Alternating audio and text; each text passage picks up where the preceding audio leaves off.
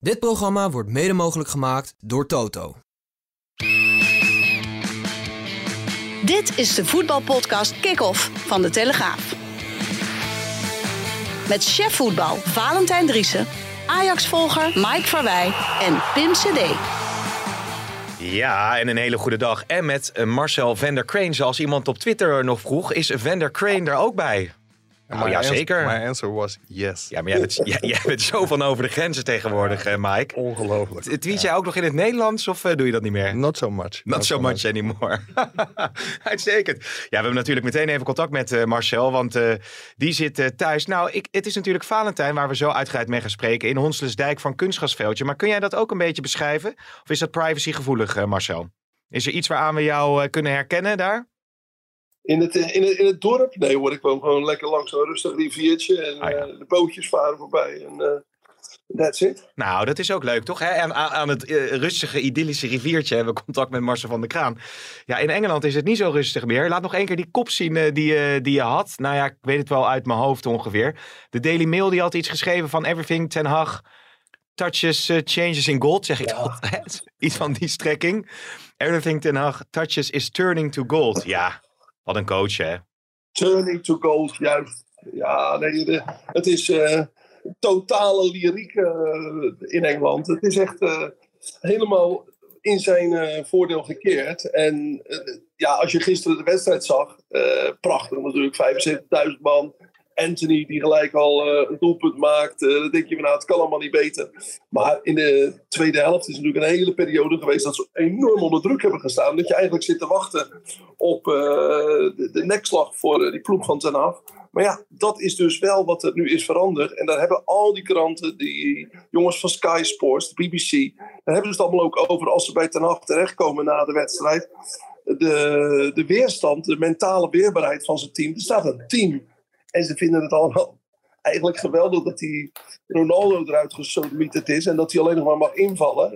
Eh, Dat is natuurlijk een absolute held daar geweest. En ja, ze dachten allemaal van nou, die gaat bepalen hoe er hier gevoetbald wordt. En die gaat bepalen of Ten Hag wel of niet grip op hem krijgt. Maar dat heeft hij dus wel heel goed gemanaged in die eerste weken en maanden. Ja, Ja, ja. Dat, dat vond ik wel heel erg opvallend toen je Ronaldo zag invallen als vervanger van Anthony. Die vervolgens vanochtend op Twitter aangaf hoe blij hij was om met de grote Ronaldo te mogen voetballen en trainen. Maar als je ziet hoe Ronaldo inviel, hij was aan het druk zetten, enorm ierig op een, op een doelpunt, ook balend als die bal net niet goed kwam. Ja, ik vind het wel heel knap dat iemand die je dan op de bank zit, dat je hem toch zo weet te motiveren, dat hij er zo in komt. Het zegt ook wel heel veel over hoe Manchester United ervoor stond. Want je zou ook kunnen beredeneren tonen van wilskracht in eigen huis tegen Arsenal of Liverpool. Dat zou de normaalste zaak van de wereld moeten zijn. Maar ze komen natuurlijk uit een miserabele crisisperiode waarin dat gewoon niet werd gedaan dus. Pim, als je weet wat er eh, uit die kleedkamer allemaal eh, werd gelekt en wat er naar buiten kwam in het afgelopen jaar en het jaar daarvoor. De spelers stonden elkaar nog net niet naar het leven, maar er was een, echt een, eh, een sfeer die ver onder het vriespunt was. Ze, lieten allerlei dingen over elkaar los, dat er allemaal groepjes waren. En dat was misschien wel een van de grootste taken van eh, Ten Hag. En ja, dan moet je op een gegeven moment ook natuurlijk wel spelers, hele grote spelers, die 100 miljoen hebben gekost, zoals eh, Harry Maguire, die moet je eruit knikkeren. En die moet je ook nog wel weer te vriend houden, want die heeft hij soms nodig. Dat zag je afgelopen zaterdag dan. Eh, al vinden alle supporters eigenlijk dat eh, Erik hem wel helemaal eh, mag afschrijven. Want eh, ze zeiden hij stond drie minuten in het veld en hij kreeg een gele kaart. En hij eh, had er bijna een penalty veroorzaakt. Dus Ja, alsjeblieft Erik, je hebt zijn beste positie heb je gevonden. En die is op de bank. ja, ja. Ja, ja. ik, ik vond, vond het wel mooi hoor, want ik, ik- kijk, die Maguire die kreeg heel snel geel. Maar dat was nou ontzettend dom balverlies van Casemiro. En ik, ik denk dat hij juist een hele, hij heeft de draaicirkel, ja, een beetje mijn draaicirkel denk ik. maar ik, ik vond wel dat hij daar een hele nuttige overtreding maakte. Want die gele kaart moest hij denk ik pakken. Maar in dat strafschopgebied kroop hij wel door het oog van de, Ja. van de naald. Maar het is wel mooi dat hij zulke spelers eruit gooit. Ik vond trouwens ook bij die Engels, ik weet niet hoe jij dat hebt gezien Marcel. Maar Bruno Fernandes met zijn twee passes op, op weg naar de 1-2 Ja, of 2-1 schitterend. en 3-1. Ja, die waren natuurlijk fantastisch. Maar Christian Eriksen was ook echt fenomenaal hoor, vond ik. Ik snap nog steeds niet dat Ajax Eriksen niet heeft binnengehaald. Die lag echt voor het eh, grijpen. Die konden ze zo binnenhalen. Hij wilde Eh, volgens mij heeft zijn eh, zaakwaarnemer Martin Schoots, dat is een Nederlander, hè, die al eh, vanaf de jeugd met eh Eriksen optrekt en hem begeleidt. Die heeft volgens mij nog pogingen gedaan. Zo van, nou, Ajax, weten jullie nu wel zeker dat je deze jongen niet wil hebben? Hij is transfervrij. Maar Ajax heeft het niet aangedurfd. En ik, eh, er zullen wel redenen voor zijn, maar ik denk dat ze nu nog wel drie keer op hun hoofd krabben als ze misschien Ja. voetballen. Ja, die, die reden, en dat, dat hebben we in deze podcast volgens mij al een paar keer gezet. Ik, ik denk dat dat is, Marcel, in die hele affaire Nouri. Daar hebben ze in het begin bijna voor de rechter gestaan. Tegenover de familie Nouri. En da- daar is aangegeven, heeft Ajax betoogd. Eigenlijk bij het bepalen van de schadevergoeding. Dat ook als hij goed behandeld was op het veld. Dat hij nooit meer Champions League niveau, nooit meer het absolute topniveau gehaald zou hebben. En ik, ik denk dat dat toch wel een probleem was bij Ajax dat ze dan niet Eriksen konden halen. Want die zou het tegendeel bewijzen dat ook Nouri misschien Ja. ooit, als hij goed behandeld was geweest, wel nog de top had kunnen halen. Sowieso gevoelsmatig een lastige zaak was dat eh, natuurlijk. Een andere Nederlandse club die hem heel graag wilde hebben. Dat was PSV. eh, en die hebben ook nog wel even gesproken. Nee, dat was eh, de aardsrivaal van de, in de klassieker, eh, Feyenoord. oh. Oh ja? Die hebben heel dicht eh, nog bijgezeten. Maar uiteindelijk vond Eriksen dat zelf niet het beste idee eh, met zijn achtergrond. Nee, ik zie producer Hein hier helemaal opkijken van Ja. wat is dit nou weer voor verhaal? Hij hij loopt nu huilend weg. Nee, maar Marcel. Hein uh, schiet ook even een balletje in de kruising. Hè? Dus, dus wat dat betreft. Hey, maar zondag was dat dus hè, dat Manchester Arsenal met 3-1 versloeg. Wat ik wel heel leuk vind persoonlijk om, om te zien. Is als dus al die spelers die bedanken op Twitter de fans voor alle steun. En dan krijg je, nou ja, en dan regent het reacties van eh, United fans. Dus Martinez die had gezegd van, nou ja, dankjewel voor alles. Het had iedereen gezegd van, eh meet nooit meer uitvallen. Want dan moeten we inderdaad die Maguire weer, weer opstellen. Maar wat ook wel grappig was bij Malasia, die deelde ook zo'n foto. En er wordt heel veel Marcel gezegd van, ja, hij was echt een bargain. Hij was echt een koopje. Feyenoord eh, is, is eigenlijk een beetje, een beetje afgezet met die 50 miljoen. Het is een veel betere voetballer dan dat. Een stiel. Ja, een stiel inderdaad, hè? Ja, een, een stiel van, eh, een stiel van 15 miljoen. En dat vinden ze echt een koopje. Ja. Dan moet ik wel zeggen, hij had het voor het eerst echt zwaar. Hè? Want hij heeft een hele, had misschien wel een van de meest sensationele vleugelspitsen van de Premier League tegenover zich. Want die Saka, die is natuurlijk ongelooflijk snel. Dat is echt een, eh, zo- zo'n product uit die opleiding van Arsenal. Met eh, heel veel snelheid. En ja, hij moest flink aan de bak. Maar uiteindelijk vocht hij zich die donderse Malasia toch helemaal terug in de wedstrijd. En dan zit hij er met van die vliegende tackles bovenop. En uiteindelijk zag je de, dat hij dat zo goed had gedaan, dat Saka hem terugpakte met een eh, behoorlijke overtreding. Die, eh, ja, eh, die Malasia dan wel kan hebben, maar die hem wel pijn deed. Ja, ja, ja. Nou, in ieder geval mooi dat hij wel, wel, mooi dat Saka met een gele kaart van het veld afstapt. En Malasia. Ja, en Mike, eh, even een beetje zuur misschien, maar Anthony die eh, speelt natuurlijk zijn eerste minuten bij Manchester. Nou ja, natuurlijk veel besproken die transfer, maakt zijn eerste goal. Het eerste wat hij natuurlijk doet is uitzinnig naar die fans toe lopen en het Manchester United logo kussen, waarop allerlei Ajaxiden weer de beelden delen.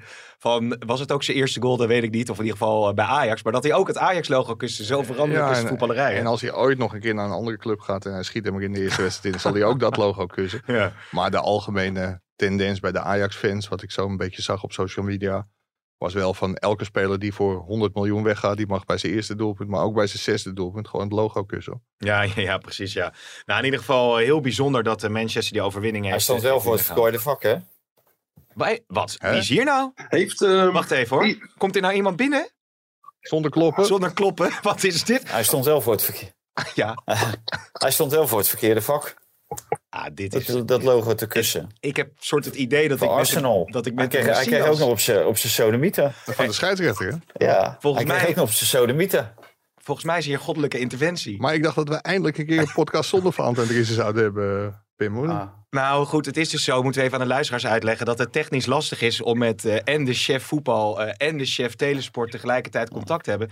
Dus we hadden eerst even met Marcel van der Kraan eh, contact, maar ik zie hoor Valentijn in één keer binnenzeilen. Hein, hein Keizer is gewoon de Hakim Ziyech van deze Ja. podcast, de tovenaar. Maar het is wel leuk, want we waren allemaal heel positief natuurlijk over Manchester. Maar Valentijn heeft vast een hele andere wedstrijd gezien. Valentijn. Nou ja, eigenlijk zijn ze natuurlijk weggespeeld. Ze zijn vier keer over de middenlijn, drie keer scoren. Geweldig rendement. Maar ik eh, was echt zwaar onder de indruk van Arsenal. Ook echt geweldig spelen. En eh, onze vriend Anthony speelde gewoon ronduit slecht. Hij, ma- hij maakt een bal af. Ja, ja, die mag je ook wel afmaken hoor, als je in die situatie komt. Dus eh, nee, ik, ik was eigenlijk helemaal weg van Arsenal. De manier waarop zij voetballen. Had ik eigenlijk nog niet, eh, nog niet zo echt uh, doorgehad de laatste weken. Nee, Maar, nee. dit, maar dit klinkt als een complimentje. En ik hoor geen gejuich, eh, Hein. Dat Nee, dat, dat, dat, dat, dat gaan we er later nog inplakken. Zover zijn wij technisch nog, eh, nog niet. Maar er komt zeker het complimentje van Valentijn eh, erin terug. Ja, je, je zag wel op, op allerlei social media ook. PSV speelt natuurlijk tegen dit Arsenal in de Europa League. En daar waren toch wel mensen die hoopten voor PSV dat Arsenal... En dat doen Engelse ploegen wel eens in de, in de Europa League. Met een B-ploeg zou komen. Ja, ja, ja, absoluut. Hey, maar verder, eh, Marcel, eh, ja, misschien kunnen we nog even de sprong naar, eh, naar Feyenoord maken. Eh Arnezen is per direct eh, weg, hè? Is, is, is denk ik de beste oplossing. Nou, het was natuurlijk al de afgelopen weken duidelijk dat hij eh, niet verder zou gaan. En dat er weinig toekomst meer voor hem was. Maar ook vanwege zijn gezondheid heeft Feyenoord natuurlijk daar wel zwaar op ingezet. Er eh, gaat een nieuwe situatie ontstaan. De transferwindow die was heel druk. Dus er was ook geen noodzaak om nu heel snel eh, of iemand te halen. Of om Arnezen heel snel terug te halen. En die wordt 66 deze maand. Zijn contract loopt af. Dus eh, ik denk dat het een vrij logische Ja. oplossing is. Ja. Ja. Wil jij nog heel veel blijven hangen bij de stellingen? Want dan kunnen we nog even zo daarna Feyenoord doorpakken. Valentijn, jij bent er ook nog? Na dat complimentje of ben je van je stoel gevallen? Ik ben er nog. Oké, hartstikke goed. Ja, ja nee, oké. nee, ik ben er nog. Ik zit nog... eh, Mo- Moet je wel even van tevoren duidelijk aangeven van wie je een antwoord verwacht. Want anders wordt het één Nee, grote chaos, denk Eén ik. groot pandemonium. We gaan nu de stellingen doen. En dan mag Mike eerst antwoord geven. Dan Marcel. En dan Valentijn. Ja? Nou, kijken hoe dit gaat. Stelling 1. PSV heeft de focus verkeerd gelegd bij het aankoopbeleid. Eens. Eens. Valentijn. ik Valentijn. mocht nog niet, hè? Ja, jij bent nu Ja, aan de je beurt. bent aan de beurt. Ja. Ja, ik heb, ik heb gezegd. Wat zei je dan? Oneens. Oneens. Bergwijn is te goed voor de Eredivisie. Eens. Oneens. Oneens. Ik denk dat we zo even tussendoor een ander muziekje voor die stellingen moeten doen. Een of andere wals van, eh, van James Last of zo. Dat dat wel lekker zou kunnen zijn. Gaan wij naar de volgende stelling. Mike, Feyenoord wint bij Lazio. Eens. Oneens. Oneens. Danilo wordt topscorer van de Eredivisie. Oneens. Oneens. Oneens. Jongens. En het is raar om Iataren buiten de Champions League selectie te houden. Eens. Oneens. Het is wat? dit is een soort. Dit is, ik denk dat deze podcast door Omroep Max overgenomen gaat worden. Want het is echt uitstekend te volgen. Want dat is een beetje het boodschappenspel. Eh maar, eh, Valentijn, het is raar om Iataren buiten de Champions League selectie te houden. Oneens. Oké, dank. Pakken we Feyenoord eerst nog even mee. Ik moet er wel van bij komen. Je wil van Marcel af, hè? Eh, nee, nou Marcel die is natuurlijk de meest eh, drukke, hoewel jij ook eh, heel druk bent vandaag. Maar wat ik wilde vragen Marcel, is Van der Vaart zei... wat is er? ja, kijk. Mar- Marcel, jezus jongens, wat is dit voor gedoe? Groot Van der Vaart gisteren had gezegd bij Studio Voetbal dat Feyenoord tweede gaat worden. De, de, de veerkracht die ze bij Go Ahead hadden getoond... En de manier van spelen van Slot en hoe de spelers het oppakken... dat gaat eh, ja, Feyenoord misschien wel weer ver, ver brengen dit seizoen. Wat denk jij? Nou, Feyenoord strooit iedereen altijd eh, zand in de ogen door te winnen van de clubs in het rechte rijtje. Eh, eerst maar even tegen AZ, PSV en Ajax spelen. En dan wil ik het altijd even zien. Ik heb al zo vaak gezien dat ze met de kerst heel leuk voor stonden. En dan kwamen in januari de pittige wedstrijden. En dan was het in één keer weer klaar. Ja. Dus eh Maar het wordt wel natuurlijk heel interessant, wel interessant hoe ze zich tegen Lazio staande weten te houden. Valentijn, het, eh, of, of vind jij Lazio ook niet bepaald een hoogvlieger op dit moment? Ja, het, het is geen hoogvlieger, maar ik heb ze van de week toevallig gezien spelen tegen Napoli. Het is best wel een aardige ploeg. Dus eh, kijk, je, je zal wel aan de bak moeten. Maar ja, ik, ik, denk, ik denk dat het een beetje gelijkwaardig, eh, dat zij gelijkwaardig aan elkaar zijn. En Ja. het Napoli, of eh, Lazio is wel wat beter ingespeeld dan, dan Feyenoord. Dat denk ik wel. Want iedereen gaat uh, uit, vergeet ineens het eerste kwartier van Feyenoord in Deventer. En daarom moesten zij natuurlijk zoveel gas geven. Ja, en eh, om eerlijk te waarde zeggen, dat Go Ahead Eagles, dat, dat eh, is rechtstreeks op weg naar de eerste divisie op deze manier natuurlijk. hey Marcel, eh, ik, laat, ik laat je gaan. Of heb je nog een laatste bijdrage die je wil leveren in deze podcast? Nee, ik, ehm, ik zat nog even in de krant te kijken naar die Cristiano Ronaldo. Die staat te klappen. Dat vond ik eigenlijk ook wel grappig. Ja, mooi, hè? Dat, eh, de grote Ronaldo staat te klappen voor eh, Anthony. En dat zie ik hem niet zo vaak doen. Hè? Dat hij eh, zo enthousiast Hij heeft natuurlijk met een eh, gezicht als een hoortworm eh, de eerste week op de bank gezeten. En eh, er is toch wel iets wat hij ten Hag geraakt heeft bij hem. Waardoor hij nu zo eh, super enthousiast eh, eh, zich opstelt. Maar ja, hij moet ook wel. Want kijk, hij verdient 555.000 euro per week. En hij kan niet meer weg. Dus hij moet verder. Nou Ja, dat, eh, dat bedrag dat wil hij elke week nog wel op zijn bankrekening zien. Ja. Dus zal hij er wel wat voor moeten doen. Maar hij vindt het waarschijnlijk ook wel mooi eh, om die mentorrol bij Anthony te pakken dan. Omdat ze allebei ook eh, Portugees spreken natuurlijk. Dat, of is dat weer te romantisch gedacht van mij? Nee, tuurlijk. Dat is in die kleedkamer eh, hele- helemaal goed. Eh, die, die gasten zoeken elkaar toch op. Die Brazilianen en Portugezen. Dat zie je bij al die clubs. eh. bij Feyenoord zijn ze nu ook aan het zoeken wie elkaar kan opzoeken. Maar daar zijn ze nog niet wel uit. Want in 16 hoeken van de kleedkamer zit een andere taal. Dus dat is nog een beetje, een beetje lastig. Ja, ja, precies. En wat ik ook nog wel aardig vond, wat Ten Hag zei, is dat hij da Dalot en Anthony dan op, op rechts heeft staan. En dat hij daar eigenlijk Mike eenzelfde chemie wil creëren als dat hij bij Ajax deed bij Masraoui en, eh, en Anthony. Dus, dus vond ik wel, wel leuk om te horen hoe, die, hoe daar dan over na wordt gedacht eh, door, de, door de trainer. Ja, één ding kun je wel zeggen. Erik ten Hag denkt er wel over na. Dus Ja. ik, ik vind het wel heel mooi. En hij staat, zoals hij het zelf zegt, aan het begin van een heel mooi proces. Ik vind het nog wel heel erg wiebelig. Want hij zei ook terecht dat het ja, allemaal nog niet heel best was tegen Arsenal. Maar hopen dat er iets heel moois kan komen. Ja, ja. Oké, Marcel, dankjewel. Ja, Valentijn, die heb je helemaal het rijk voor je. Alleen woensdag moet Ajax natuurlijk tegen Rangers FC. Maar ja, die kregen natuurlijk afgelopen weekend op hun broek in de Old Firm tegen Celtic. W- Walk-over voor Ajax? Walkover. Uh, moet ik even over nadenken. Eh, nou, walkover zal het niet worden, maar het wordt wel een gewone reguliere overwinning. Ja. Die, eh, dat Rangers, ja, het stelt niet zoveel voor. Dat uh, bewijst Celtic, alleen eh, PSV was niet bij macht om dat ook te bewijzen. Nou, het zegt, zegt denk ik meer over PSV dan over Rangers. Ja, Rangers natuurlijk wel Europa League eh, finale gehaald. Ja, dat, dat sowieso. Ze zijn wel een hele goede speler kwijtgeraakt. Die speelt nu bij Ajax. Ik moet zeggen, ik ben de eerste wedstrijd best wel onder de indruk van Kelvin Bessie. Hoewel die ook nog niet echt is getest natuurlijk. Die heeft ook een uh, paar aardige opwarmpotjes in Nederland uh, gespeeld. Heeft af en toe nog moeite om de goede kleuren te vinden. Opbouwend ja. valt hij me nog niet heel erg mee. Maar verdedigend is het wel een beer. En uh, razendsnel. Dus ja, volgens mij is het voor een spits geen pretje om tegenover, uh, nee. tegenover hem te staan. Nee, en veel vragen die binnenkomen uh, zijn, ja, wie gaat er rechtsbuiten worden tegen Rangers of verder in het seizoen? Want je hebt natuurlijk zo'n keur aan mogelijkheden daar. Ja, ik, ik vermoed dat, dat Taylor wel weer zijn, zijn basisplaats terugkrijgt. Ik had ook het idee dat zijn reserverol tegen Cambuur voornamelijk was ingegeven om wat rust te geven. Dus die, die keert terug, denk ik. En dan zou het me niet verbazen als hij gewoon begint met Berghuis op de, op de rechtsbuitenpositie. Oké. Okay. Ook, ook Campos is net binnen. En die zal later uh, echt wel aan zijn trekken komen. Maar Hmm. ik, ik, denk dat hij voor Berghuis kiest in eerste instantie. En dan Tadic achter de, achter de spits. Ja, dat denk ik wel. Ja, want dat is wel een beetje het verhaal, hè, Valentijn, van nu. Van uiteindelijk uh, ja, wordt Tadic, Tadic verdrongen in dat, in dat elftal of niet?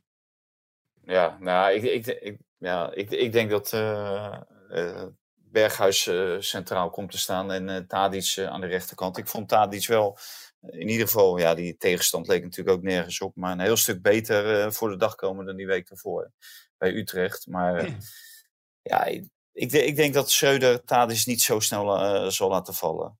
Dat, uh, dat geloof ik niet. Nee. Dus die, die zal denk ik voorlopig toch wel in, uh, in de basis blijven starten. Ja, ik moet, moet zeggen, ik verbaas me ook wel heel erg over de kritiek op Tadic. Natuurlijk was hij een aantal wedstrijden niet, niet goed. Er was ook wel reden om even iets minder te zijn. Want die heeft gewoon uh, oog in oog staan met een aantal overvallers. En je kunt zeggen van het is een Servier en hij is in de 30. En dat, dat doet hem niks of mag hem niks doen. Maar wat je om hem heen hoort, heeft dat toch wel een behoorlijke impact gehad. En nu had hij dan geen assist tegen Cambuur. Maar als je ziet hoe de 1-0 tot stand komt. Met Berghuis uh, die er overheen komt. En hoe hij die bal eigenlijk ja, doorwipt. Waardoor uiteindelijk Bergwijn kan scoren. Tadic heeft altijd zijn waarde. Met doelpunten, assist. Of in dit geval een voorassist. Ik vind die discussie over Tadic echt een, een non-discussie. Ja, maar hij is natuurlijk misschien wel beter op links dan op rechts. En op rechts heb je natuurlijk uh, nou ja, net een Argentijns international uh, binnengehaald. En dan komen natuurlijk ook steeds meer geluiden om Kudus toch meer minuten te gaan geven. Dat zou ook vanaf rechts kunnen. Ja, en in de Champions League is het ook nog een optie om Tadic in de spits te zetten. Dat heeft uh, Erik ten Hag natuurlijk ook veelvuldig gedaan in, de, in het succesjaar van, de, van de Champions League. Dus ook, is, ook dat is een optie. Maar ja, ik kan me nog niet heel goed voorstellen dat hij Robbie slachtoffer wordt.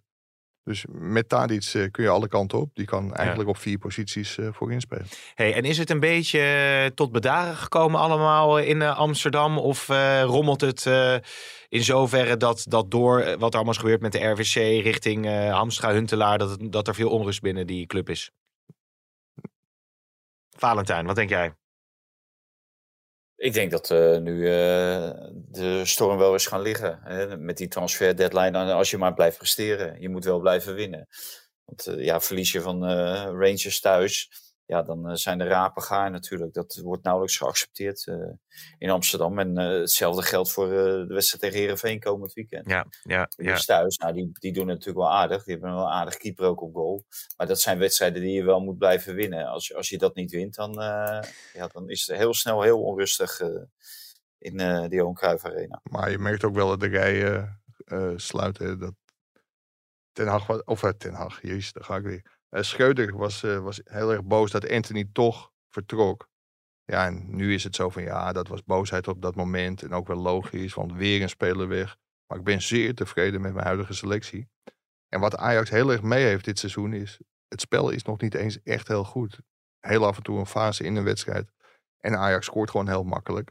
Maar het is niet om te zeggen van Ajax speelde de eerste wedstrijd al de pannen van het dak. Nee, maar ze hebben ook een makkelijk programma hè? Een redelijk makkelijk programma. Utrecht uit is traditioneel wel mak uh, moeilijk. Dus dat, uh, die, die hebben ze wel gehad. Maar voor de rest is het niet heel erg moeilijk geweest met Fortuna uit, Sparta uit. Dus als je dan gewoon 15 punten hebt en het spel is nog niet goed, ja, dan kan het spel alleen maar beter worden. Maar qua punten kan het niet heel veel ja. beter. Um, Valentijn, je had het in jouw uh, column over de speelzucht hè, bij, uh, bij clubs. Uh, tegenwoordig wordt toch snel naar de portemonnee gegrepen ook.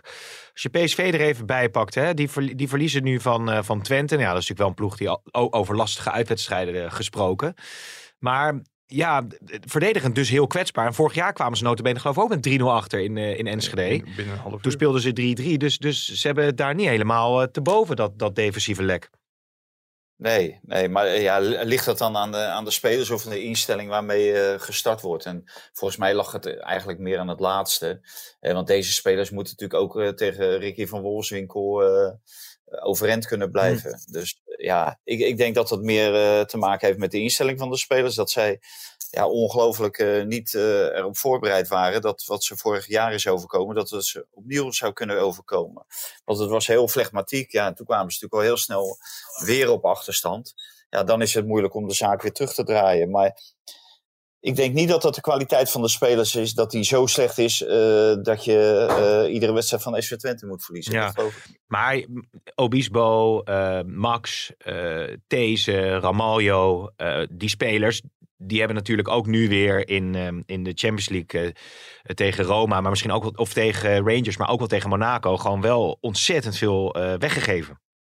Ja, ja, nee, dat, dat is zeker zo. Uh, het, het, staat nog niet, maar heeft het met de kwaliteit of met de organisatie te maken en de instelling? Ja, ik denk eerder uh, met de organisatie en met de, de instelling tot dusver dan, dan de kwaliteit. Want ja, ik kan me niet voorstellen dat, dat je met deze verdediging toch iedere wedstrijd een goal tegen krijgt. Dat hoeft toch helemaal mm -hmm. niet. Zeker niet als je tegen uh, clubs zoals Emmen speelt. Ja, ja. Dus, ja wat, wat mij heel erg verbaasde in het wisselbeleid van Van, van Nistelrooy hij stond al zeg maar, op de nominatie om, om gewisseld te worden, Guus Til. Maar ik vind wel, als een speler dan een goal maakt, vaak geeft dat toch weer extra power, extra geloof, extra... En Til heeft ook in die wedstrijd om de Johan Cruijffschap bewezen dat hij dan, als hij helemaal scoort, en dat heeft hij bij Feyenoord ook een aantal keer laten zien, dat hij dan ook meer scoort. Ik had toch even gewacht met die wissel, maar ja, dat is misschien spijkers op laag water zoeken. Ik, ik denk dat ik Til had laten staan. Maar dat is dan kennelijk ook moeilijk voor een, eh, voor een beginnende coach. Als je al spelers hebt klaarstaan om ze toch weer terug te halen naar de bank. Maar ik vond het wel een heel ja, opmerkelijk moment. Gelijk, ja, ik vind ik ook. En uh, zeker omdat uh, er ontstaat dan een nieuwe situatie. 2-0 of 2-1. Dan is er gewoon uh, sprake van een hele nieuwe situatie. En Til, Dat weten we allemaal. Hoeft niet in de wedstrijd te zitten om te scoren. Ja. Eh, vaak eh, zit hij natuurlijk niet in de wedstrijd en weet hij toch eh, zijn doelpuntjes wel mee te pikken. Dat deed hij nu ook, want daarvoor hebben we hem helemaal niet gezien. Dus zou je verwachten, zeker omdat je nog een goal nodig hebt, dat je hem gewoon laat staan. Ja, Ja. het, het viel Ja, mij ook op. Ze hadden ook niet, eh, kijk, door de afwezigheid van de Jong, je hebt ook bijna geen koppers. Ja, en als je dan toch op een gegeven moment alles of niets gaat spelen, laat Ja. in ieder geval iemand die nog een beetje kan koppen staan. Ja. En dat, dat kan Til wel. Maar ja, ze zullen in Eindhoven, het seizoen is nog lang, maar eh, ze zullen vrezen voor een scenario als in vorig seizoen. Dat je uiteindelijk eh, toch weer eh, naast alles gaat, gaat grijpen. Hoewel het natuurlijk nog veel te vroeg Nou is ja, dat die, die, zeggen. die druk komt er natuurlijk wel op als je ook hoort dat eigenlijk PSV wel of Gakpo of Sangaré had moeten verkopen om een sluitende begroting te krijgen. Want dat er nu echt gewoon tientallen miljoenen tekort, dat ze tientallen miljoenen tekort komen. Ja. Ja, als je dan nu tweede of zelfs nog slechter derde zou worden. Ja, dat is wel een heel vervelende situatie. Want dat zou betekenen dat je niet eens in aanmerking komt voor de Champions League als je derde wordt. Dit is het laatste seizoen waarschijnlijk dat er niet twee ploegen rechtstreeks de groepsfase ingaan. Ik denk dat dat uiteindelijk wel voor heel veel stress gaat zorgen bij PSV. Ze moeten in feite kampioen worden. Ja, ja, ja. Wat denk Ja. jij? Ja, ze- nou ja, en ze waren ongeslagen. En je, je ziet nu eh, bovenin eh, worden echt niet zoveel punten verspeeld. En als je één keer verliest, dan eh, zak je gewoon van 1 naar 4. Ja. Wat Mike zegt, ja, daar, daar komen die Champions League plaatsen komen natuurlijk wel eh, snel op het spel te staan. Dus zij kunnen zich niet te veel eh, veroorloven. Omdat je ziet ook niet dat Ajax en ook in mindere mate Feyenoord, maar AZ dat, eh, dat natuurlijk eh, dat het goed doet. Ja, dat die zeker. zomaar overal eh, punten gaan eh, laten liggen. Dat, in deze competitie. Misschien dat dat later met al die Europese verplichtingen dat dat wat eh, vaker zal gebeuren. Maar voorlo- voorlopig lopen ze allemaal redelijk eh, makkelijk en eh, zonder eh averij door de Eredivisie. Ja. Ik wou, ja, Wat dat betreft wordt 18 september heel erg leuk. Dan krijg je AZ, AZ Ajax. Ik moet zeggen, AZ eh, maakt ook al een hele leuke indruk. dit Zeker. seizoen. ja, Doen het ook erg goed. Dus AZ Ajax wordt dan heel interessant. Maar die- Zeker. diezelfde dag is volgens mij ook PSV Feyenoord. Dus dan, eh, dan wordt er wel wat... eh, dat is al een super Sunday zo, eh, zo vroeg in het seizoen. Kunnen we ons mooi op verheugen? Op, of op Saturday? Of spelen ze op Sunday? nee, zondag. zondag Hey, hey, laten we even naar het buitenland gaan. Dus laten we James Last er lekker inknallen. Ja, ja, ja, Jimmy Floyd Hesselbank. Ja, ik heb daar toch wel... Ik vond dat zo'n ma- machtige spits altijd vroeger. Hoe die die ballen er eh, bij Leeds was het geloof ik eh, van eh, grote afstand allemaal inramde. Maar Valentijn, hij is opgestapt hè? Bij Burton Albion. Oh ja. ja. Tegen Oxford. Oxford United eh, verloren met 2-1. Staan laatste in League One met één punt na zeven duels. Nou, de kop voor de podcast hebben we. Ja, nou ja, had jij dat niet vroeger met die Hesselbank? Was toch een mooie speler? Geweldig speler. Hij heeft ook volgens mij niet in de Eredivisie gespeeld eh, voordat hij in Nederlands elftal kwam. Ja, Dus dat eh, komt in menige quizvraagje, eh, of in menige quiz komt dit terug. Ja, het was een heel bijzondere speler. Ook een hele aardige, aardige jongen. Ja, jammer dat, wel jammer dat hij daar niet geslaagd is. Wat zei Een je? aardige carrière nog gemaakt. Hè? Ook nog bij Atletico Madrid, Ja. met Chelsea. Ja, zeker. Dus eh, Nou, en overal makkelijk het, het, het net weten te vinden. Hey, en ja, hebben hij jullie is dat... ooit rechts buiten. Hij heeft hem ooit als, eh, in de beslissende, tenminste het was niet, maar achteraf wel, de beslissende WK-kwalificatiewedstrijd voor eh, Japan en Korea. Zette Vergaal hem rechts buiten, ja. Dat had hij echt nog zijn hele leven nog niet gespeeld, uit tegen Ierland. Nou, dat, eh, dat was eh, uiteindelijk het einde verhaal voor eh, en het Nederlands elftal, voor, met betrekking tot het WK en het Ja. einde van Vergaal. Ja, ja, ja. Hey, en ehm, hebben jullie die kratentrap gezien bij eh, Wout Weghorst? Zo. Er kwam even, kwam even een supporter het veld opgelopen bij Ankara Gucu Besiktas. 2-3. Ja, denk je alleen dat de supporters van FC Utrecht gestoord zijn. Maar En het leek... het, het, kan nog gekker. Nou ja, dat leek ook een beetje op dat. Inderdaad, dat, je bedoelt, op die beker, eh, die halve finale voor de beker toen. Of daar nee, doe je helemaal niet om. Dan was natuurlijk ook nog zo'n moment met Esteban. Dat Dat er ook. zo'n fan het, eh, het veld opstormde. Ja, dat was bij Ajax AZ. Ja. eh, ja. En toen werd Esteban met, eh, met rood naar de kant gestuurd door, Ja. ik meen Bas Nijhuis. Omdat hij terug, eh, even terug eh, sloeg, zeg maar, of en reageerde. Dat was volgens de regels, maar niet heel erg de wedstrijd aangevoeld. Nee. En die wedstrijd is toen ook overgespeeld. Was dat niet supporter Wesley? Of zit ik dat nou in één keer? Ik weet niet hoe ik daar nou in het één is keer kom. Kabouter Wesley. Oh, het is... Nou, ik... eh, Hebben we, daar, hebben, we producer, daar, hebben we daar ook een fragmentje producer, van? eh, producer Hein zoekt het op of het supporter Wesley was. Dan, dan, Ja, dat, dat denk ik wel. Maar dan je, win ik wel de hoofdprijs je natuurlijk. hebt ook? Kabouter Wesley. Hè? Ja, oké. En wat mij ook wel opviel trouwens, want dan komen we zo nog bij Iataren. En dat is misschien het laatste punt dat we even mee kunnen nemen. Dat eh Vormer buiten de selectie is gehouden. De Champions League eh, selectie van eh, Club Brugge. Ja, ik eh, kijk dat altijd met heel veel eh, verbazing aan. En daarom vind ik ook zo'n actie van Anthony, Kudus en Alvarez om niet mee te trainen. Ik weet het allemaal wel, dat hoort niet en het gebeurt. Maar op het moment dat de club jou niet meer nodig heeft, dan gooi je zo eh, jou ook aan de kant. Ruud Vormer is voetballer van het jaar geworden in België. Kampioen geweest. Aanvoerder geweest van, Ja. van Club Brugge. Groot successen gehaald, Ja, nu, nationaal. nu willen ze van hem af en dan word je gewoon niet ingeschreven voor de Champions League. Ik denk dat je ook als club wel wat fatsoenlijker met je spelers kunt omgaan. Ja. Zoals spelers af en toe ook wat fatsoenlijker met een club kunnen omgaan. Zou misschien een leuke speler voor Utrecht zijn, hè? Kunnen, omdat die zou wel passen in het aankoopbeleid van, eh van Zeumeren. Ja, maar dat kan niet meer. Volgens mij zijn er nog wel wat transfermarkten open. Nou, maar als ze hem misschien zijn contract laten ontbinden, dan zou hij natuurlijk wel nog gehaald kunnen worden, of ook niet? Nee, volgens mij niet. Oké. Want dan zou iedereen nu zijn contract kunnen laten ontbinden. Ja. En dan naar een volgende club gaan. Dan kun je ook het, de transferwindow over, eh, overboord gooien. Maar er kwamen Mike toch al veel vragen binnen over Iataren. Hè? Want eh, eh, dat was na onze podcast ook dat dat dan nieuws allemaal bekend werd. Ja, moet je zo iemand, zeker ook omdat je geloof ik jeugdspelers niet eens hoeft in te schrijven hè, voor die Champions League selectie. Had je hem toch niet gewoon een plekje moeten geven daar? Ja, om ik- hem een ruggensteuntje te geven. Ik denk dat deze boodschap wel duidelijk is. Ik, ik, ik vind het verbazingwekkend. Schreuder heeft het gezegd. Ajax-leiding heeft het ook gezegd. Op het moment dat er iets valt te communiceren, dan wordt er gecommuniceerd. Ja, het lijkt me dat dit toch wel een aardig moment is. Als je hem niet inschrijft voor de Champions League, dat je dan moet gaan communiceren. Ja. Want ik denk dat Ajax gewoon afscheid van hem heeft genomen. Eh, En dat er in december wordt gezegd tegen Juventus dat, eh, dat die optie niet gelicht wordt, die koopoptie. En dan is het einde Iatare bij Ajax. En dat zou me wel heel erg verbazen. Want dat betekent dat Ajax het in een heel vroeg stadium heeft opgegeven met hem. ja. Eh, krijg je ook die, eh, die signalen door Vaanten? Of is dat ook wat je gevoel zegt? Nee, ja, nee, de, signalen die zijn natuurlijk wel duidelijk. Dit is ook zo'n signaal. Want anders zet je hem er wel op eh, voor die Champions League. Want ja, misschien dat, dat hij je dan nog eh, kan helpen op het veld. Maar het is natuurlijk ook goed om hem dan in de schijnwerpers te zetten. En het is natuurlijk, eh, die, voetballend is hij goed genoeg om met Ajax mee te kunnen.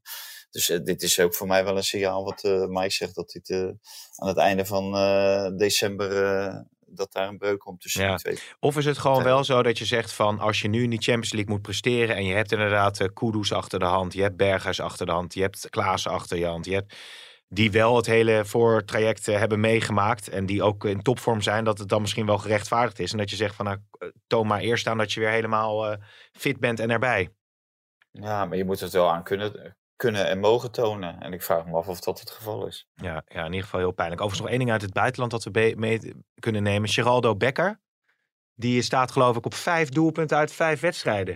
Heb je dat meegekregen? Ja, ja ik, ik zag het, ja. Is ja dat- die, eh, die is eh, on fire, hè, geloof ik. Is, is dat Ja, die, die, ja. Speelt, die speelt bij dat eh, Union, Union Berlin. Berlin? Ja, En ehm, ja, die, die spelen veel op de counter. Nou, hij is razendsnel. Dat hebben we toen ook bij eh ADO Den Haag gezien. Waar Petrovic hem toen eh, na- naartoe heeft gehaald. Eh, die, die wilde hem zelfs uit, uit eigen zak betalen. Nou, en eh, uiteindelijk eh, heeft ADO hem dan ook wel gehaald. Maar ja, die doet het uitstekend daar. Dus eh, als eh Nederland zelf dan nog echt een counterspits zoekt, dan... eh, ja maar had hij niet voor Suriname, nog eh, Suriname gespeeld? Of kan je, of zeg, Ja, vol- volgens mij wel. kan, maar je, kan je dan nog voor het Nederlands elftal uitkomen, vroeg ik me af. Dat weet ik niet. Nee, nee, nee. Nou, dat moeten we dan nog maar eens, eh, eens uitzoeken. Wat wil jij zeggen, Mike? Nou ja, Valentijn, jij gaat mee naar Liverpool, hè? Is de bedoeling. Nou, en dan moet je niet schrikken. Want de kans is heel groot dat je het grote hoofd van je collega tegenkomt in het officiële programmaboekje van Liverpool. Ik heb Oh. hem heel goed. morgen, morgen geïnterviewd. Oh? Ah, heel, Ja, dat, dat, dat, dat meld je dan zo even weg. Maar daar willen we natuurlijk wel alles van weten. Je wordt door het Liverpool clubblaadje geïnterviewd of, of wat? Officieel programmaboekje. Echt? Ja. Als, als bekendste Nederlandse voetbaltwitteraar? Of, eh, Nee, er staat een dubbel dik nummer. Dus ze dachten, we moeten, moeten een dubbel dikke verslaggever. eh. Nee, maar Mike, dat, dat is toch waanzinnig, joh. hé. Wat een carrière maak jij door, zeg. Nou, dit is een mooi moment om deze podcast Straks te word jij nog weggekaapt door, eh, door, door Sky of door BBC of zo. Mike. Liverpool My English is not so good. Hè? Eh, Nou, nou, nou ja, goed. Je kan het gewoon natuurlijk met. Nee, dat is wel lastig hè, met Wikipedia om dat zo op te lossen. We gaan rustig naar een afronding toe. Mike, wil jij nog iets kwijt? Nee, dat ik eh, heel erg uitkijk naar de komende Europese week. Champions League wedstrijden in de arena. Ja, zijn altijd fantastisch. Ja, ja, ja. En Valentijn? Nou, dat ik pijn aan mijn ogen kreeg van de ballenjongens bij Go Ahead Eagles. Oh, die, eh, vertel. Die zaten daar, die, die zaten daar in eh, bepaalde carnavalspakken. Een soort eh beren, een berenoutfit. In een, verschrikkelijke poepkleur. Dus dat was echt, eh nou, dat was, deed gewoon pijn in je ogen. Dat gun je die jongens niet. Zo ongetwijfeld over tien jaar zal het kult zijn om in, in zo'n verschrikkelijke trainingspak rond te lopen. Maar Ja. Nee, het, het, eh, het leek nergens op. Ik moet zeggen, heel snel. eh, zolang ze die pakken hebben, zal eh, Gro- of, eh, Go Ahead geen punt pakken. Nou, al dus de laatste boodschap van Valentijn Dries. Heren, op een mooie Europese week en eh, tot vrijdag. Tot vrijdag. Oh, goed voor de luisteraar nog even. Vrijdag zijn we uiteraard ook weer te zien, hè? Ja. En eh, op de maandag eh, is dat lastig, omdat Valentijn onder andere in Onsensdijk zit. Dus eh, gaat dat volgen. Tot de volgende. Dit programma werd mede mogelijk gemaakt door Toto.